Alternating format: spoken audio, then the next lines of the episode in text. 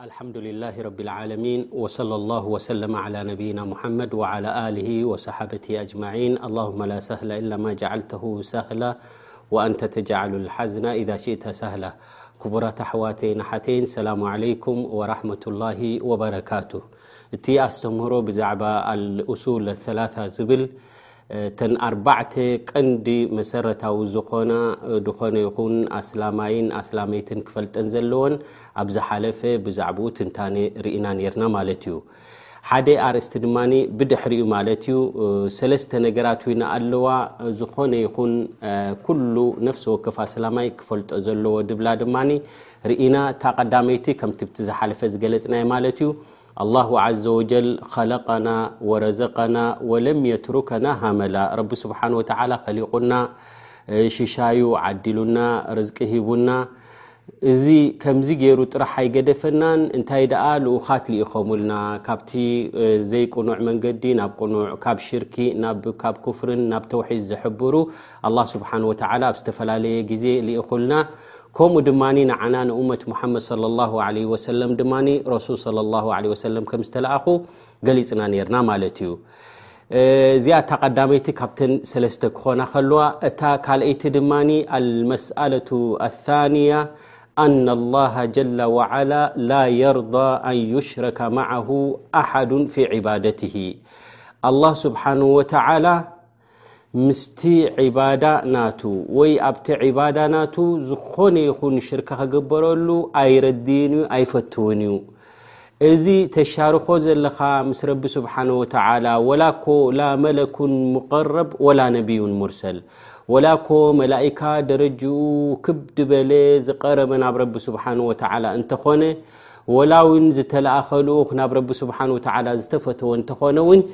ነዚ ምስ ኣላህ ስብሓን ወተዓላ መሻርኽቲ ክትገብሮ የብልካን በል ኩሉን ዓቢዱ ልላሂ ዓዘ ወጀል ኩላቶም ኩሉ እንታይ እንተ ኢልካ ባሮት ናይ ረቢ ስብሓን ወተዓላ እዮም ኣላ ስብሓን ወተዓላ እነማ የርض ኣን ዩዕበዳ ዋሕደሁ ዱና ማሲዋ ረቢ ስብሓን ወተዓላ እንታይ ዝፈቱ እንታይ እዩ ዝረዲ እንተ ኢልና ንበይኑ ንብሐቱ ከተምልኾ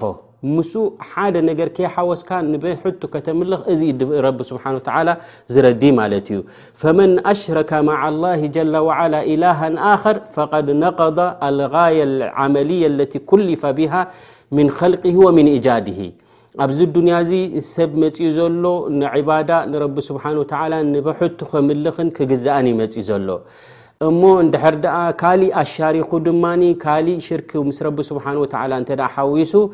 እዚ ነቲ ዝተፈጠረሉ ዓላማ እንታይ ገይርዎ ኣሎ ማለት እዩ ኣይተቀበሎን ኣሎ ካብቲ ዝተፈጠረሉ ዓላማ ወፅሎ ማለት እዩ ኣላሁ ዘ ወጀል ንዓና ዝፈጠረና ንብሕቱ ንኸነምልኾን ክንግዘኦን እዩ ከምቲ ኣብ ቁርን ወማ ከለቅቱ ልጅነ ወልእንሳ ኢላ ልያዕቡዱን ዝበለ ደቂ ሰባትን ኣጋንንትን ተፈጢሮም ዘለዉ ንዓይ ንብሕተይ ንከምልኹኒ ክግዝኡን እዮም ኢሉ ስለዚ በኣረይ ምስ ረቢ ስብሓን ወተዓላ ሽርካ ምግባር እዚ ነቲ ዝተፈጠርካሉ ዓላማ ካብኡ ምልቃቕ ካብኡ ምልጋስ ካብኡ ተኣሊኻ ኣለኻ ማለት እዩ እንታይ ደኣ እዩ ናብቲ ቁኑዕ ክትመፅእ እንተ ኮንካ ንብሕቱ ክተምልኾ እዩ ዘለካ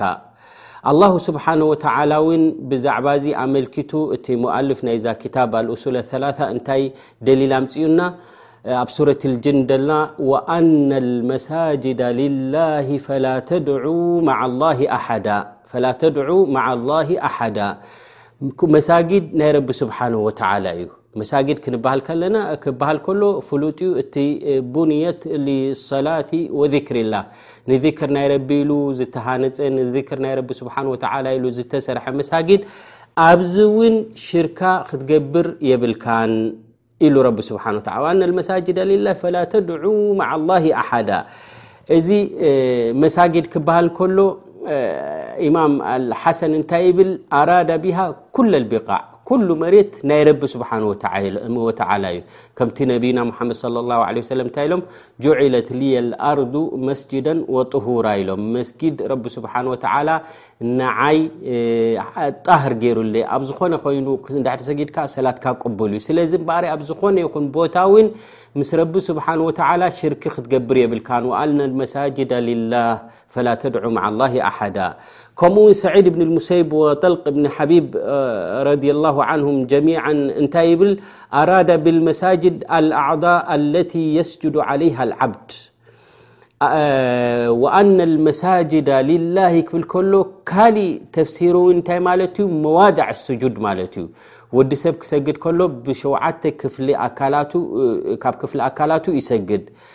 ከምቲ ነቢና ሙሓመድ ዓለይሂ ሰላቱ ወሰላም ዝበሉ ኡሚርቱ ኣን ኣስጁደ ዓላ ሰብዓቲ ኣዕዙም ኢሎም እምበኣረይ የእዳውካ ዘን ክልተ ጉንቦ ኢድካ ድዩ ግንባርካ ምስ ኣፍንጫኻ ድዩ ክልተ ኣብረኽካ ድዩ ክልተ ኣጻብዕቲ ክልቲኡ ናይ ክልቲኡ እግርኻ ኣጻብዕቲ ደሎ ድዩ እዚ ብኡ ጌርካ ኻ ስጁድ ትገብር እምበኣር እዚ ክፍሊ ኣካላት እዚ ተፈጢሩ ደሎ ንረቢ ስብሓን ወተዓላ ስለ ዝኾነ ኣብዚ ሽርካ ከይትገብር ክትሰግድ ተኮይንካ ንረቢ ስገድ ክትልምን ተኮንካ ንረቢ ለምን ማለት እዩ ዘን ፈላ ተድዑ ክብል ከሎ ሰዋ ዱዓ መስኣላ ወዱዓ ዕባዳ ማዓ ላ ኩሉ ዱዓ መስኣላ ይኹን ወዱዓ ዕባዳ ኣብዚ ክልትኡ እዚ ሽርክ ክትገብር የብልካን ማለት እዩ ጠብዓ ኣላሁማ ኣቕፊርሊ ኣላሁማ ቱብ ዓለያ ክትብል ከለካ እዚ ዱዓ መስኣላ ዩ ትልምን ኣለካ ማለት ዱዓ ዕባዳ ድማ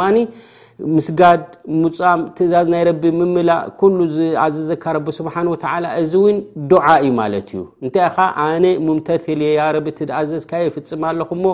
ዓስበይ ሃበኒ ኢልካ እኻ ትልምን ዘለኻ ማለት እዩ እዘን ኣልመሳጅድ እቲ ንረቢ ስብሓን ወተዓላ ኢሉ ዝተሰርሐ መሳጊድ እንታይ እዩ ዝፍፀም ኣብኡ እንተ ኢልካ እዘን ክልትኤን ዱዓ መስኣለ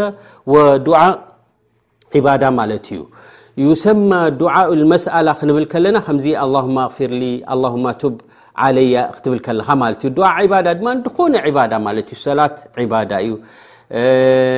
ሰዋእ ፈርዲ ትሰግድ ኣለኻ ሱና ትሰግድ ኣለኻ ቁርን ትቐረእ ኣለኻ ዚክር ትገብር ኣለኻ ኣብ መስጊድ ተዕልም ኣለኻ ትዕልም ኣለኻ ከምኡ ደኣ መሰለ እዚ ኩሉ እዚ ዒባዳ እዩ ዱዓ ዒባዳ ይበሃል ማለት እዩ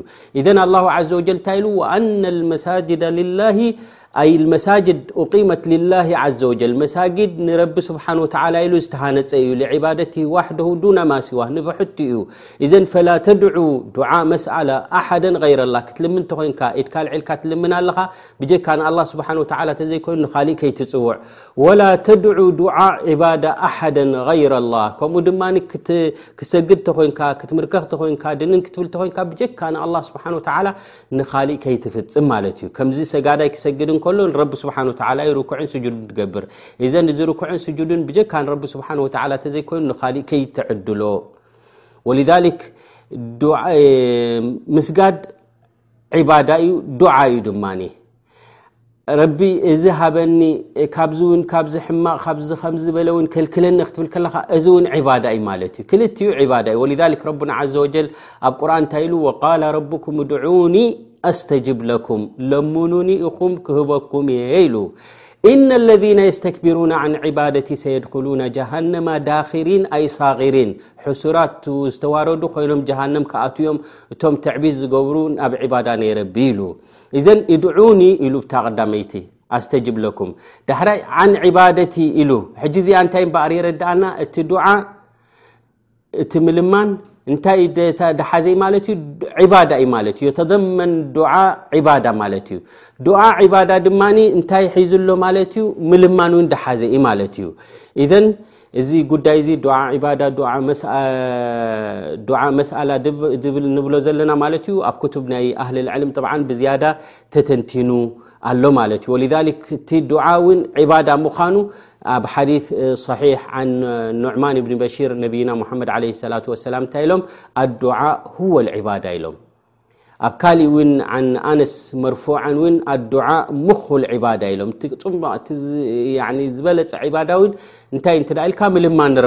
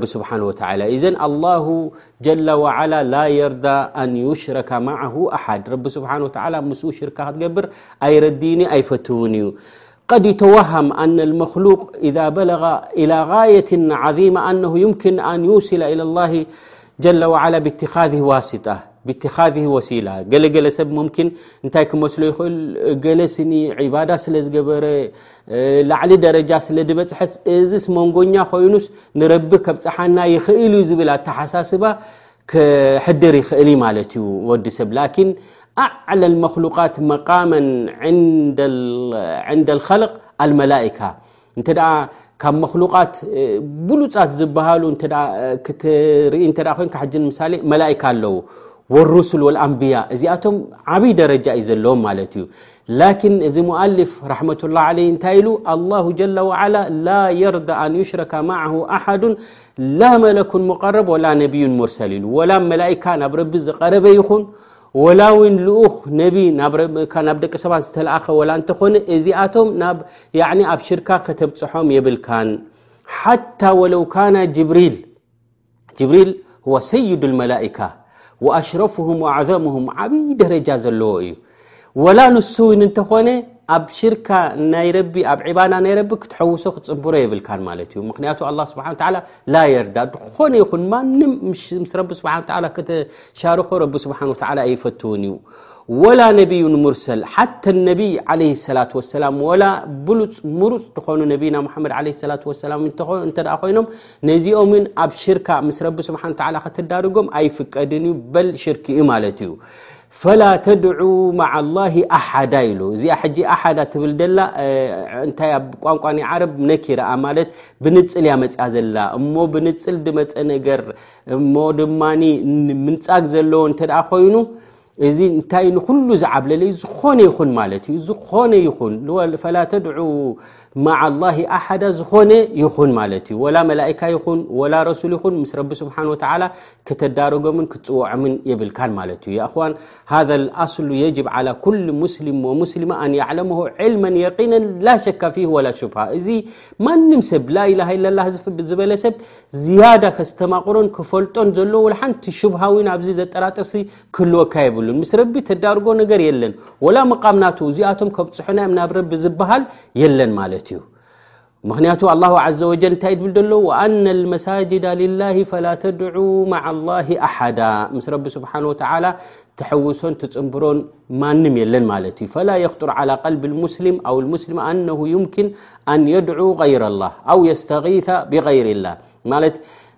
ሓግዙና ክትብል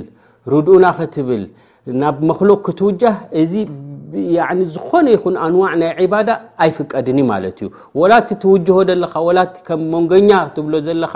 ዝበለፀ ዝተመረፀ ወላ እንተኾነ ከም መላእካ እውን እንተኾነ ወላ ከም ረሱል እውን እንተኾነ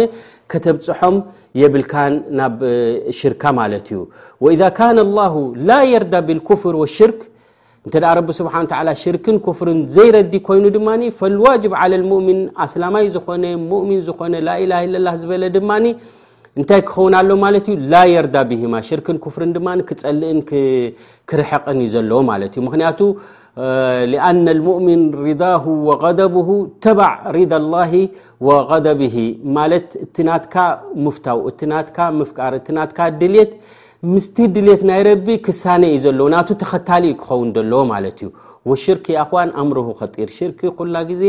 ሓደገኛ ዝኾኑ እዩ ዓብይ ጠንቂ እዩ ማለት እዩ ወልክ ረቡና ዓዘ ወጀል ኣብ ቁርን ኣብ ሱረት ኒሳ መበል 48 ኣያ እንታይ ኢሉ እና ላሃ ላ የغፊሩ ኣን ዩሽረከ ብሂ ወየغፊሩ ማ ዱነ ሊካ ሊመን የሻእ እዛ ኣያ እዚኣ ብዙሕ ግዜ ተደጋጊማ ንሰምዓ ኢና ማለት ረቢ ስብሓን ወተላ ንሽርክ ዝበፅሐ ሰብ ኣብ ሽርክ ዝወደቀ ቶባ ከይበለ እተ ሞይቱ ረቢ ስብሓን ወተ ኣይቕፍረሉን እዩ ትሕቲ ሽርክ እተ ኮይኑ ግን ዝበፅሐ እተበፅሐ እቲ ዘንቢ ታሕቲ መሽኣት ላ ዘ ወጀል እዩ ዝኸውን ማለት እዩ እተደልዩ ረቢ ስብሓ ላ ይቕፍረሉ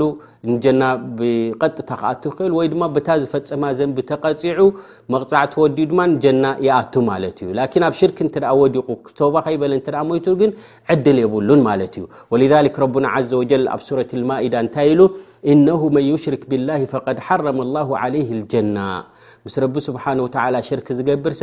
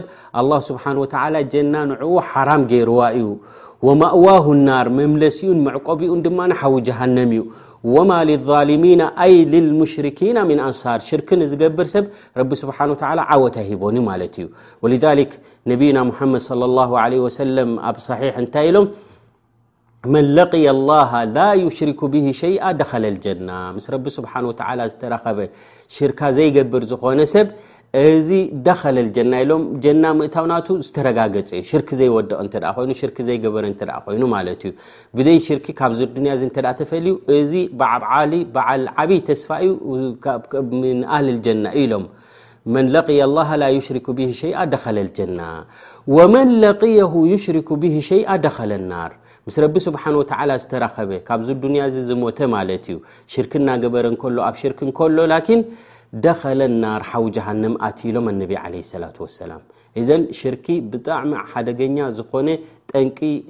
ስለ ዝኾነ እዚ ክንጥንቀቐሉ ዘለና ናብ ኩላትና ብሩህ ክኸውን ዘለዎ ጉዳይ እዩ ወከዓ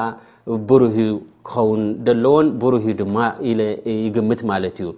ወላሁ ላ የንሃ ዓን ሸይ ኢላ ወህዋ ላ የርዳሁ ረቢ ስብሓን ወተላ ንሓደ ነገር ኣይክልክልን እዩ ኢላ ኣነሁ ላ የርዳሁ ዘይፈትዎ ስለ ዝኾነ ዘይደልዮ ስለ ዝኾነ እዚ ክልኩል እዩ እተ ተባሂሉ እዚ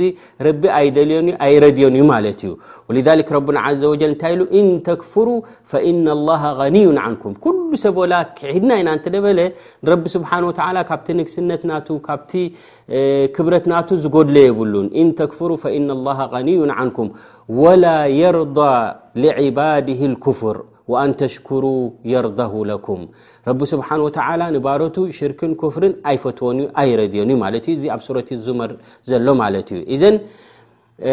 ዝኾነ ይኹን ደረጅኡ ድበፅሐ እንተበፅሐ ምስ ረቢ ስብሓን ወተዓላ መሻርክቲ ክትገብሮ የብልካን ወልሊክ እቲ ሞኣልፍ እንታይ ኢሉ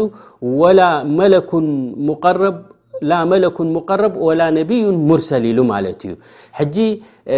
በኣረይ ነብዩን ሙርሰል ክብል ከሎ ነቢ ወሙርሰል ብሓንሳብ ክጠቕሶም እንከሎ እዚኣቶም በኣረይ ፍልሊ ከም ደሎ ነቢን ረሱልን ክትብል ከለካ ነቢ ኩሉ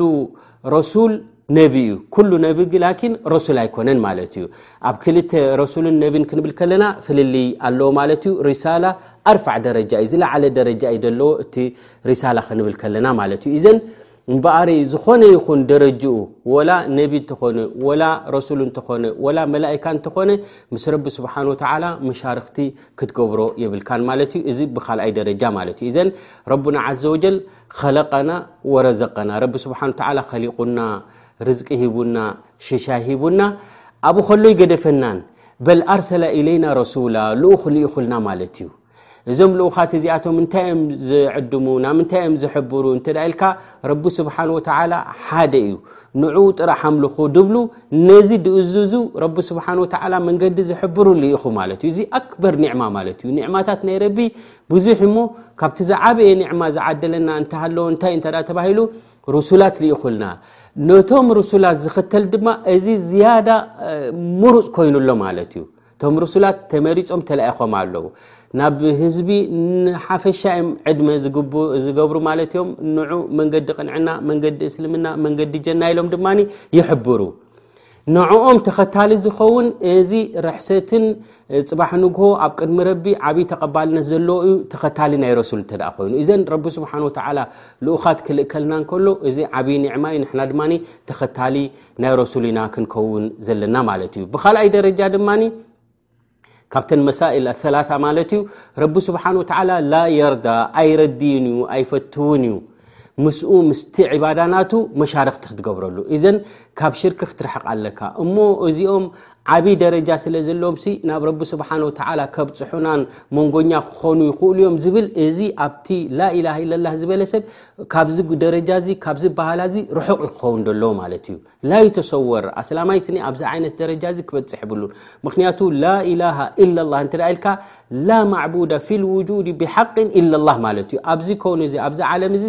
ብሓቂ ክምለኽ ዝግብኦ የለን ብጀካ ሓደ ኣላ ስብሓን ወተዓላ ኢልካ ኣለኻ ማለት እዩ እዘን ወላ እኮ ድበፅሐ እንተበፅሐ ደረጅኡ መላእካ ኮይኑ ከም ጅብሪል ዓለ ሰላም መቕረባ ናይ ረቢ ስብሓን ወተዓላ ኣሚን ኣልዋሕይ ዋሕይ ናብ ነቢያት ዘመሓላልፍ ዝኾነ እዚ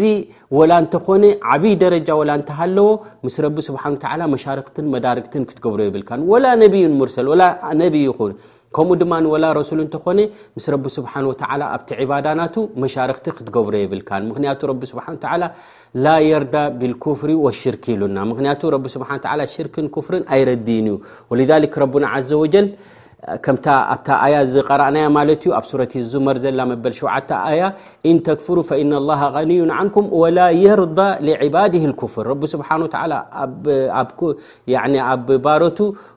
ኩፍርን ሽርክን ኣይረድን እዩ ረቢ ስብሓን ወተላ እቶም ኣመስገንቲ ዝኾኑ ንበይኑ ንብሐቱ ዝግዝእዎ ንዕኦም እዩ ዝፈቱ ማለት እዩ እዘን እንሻ ላ ኣብታ ሳልሰይትን ኣገዳሲት ዝኾነት ድማ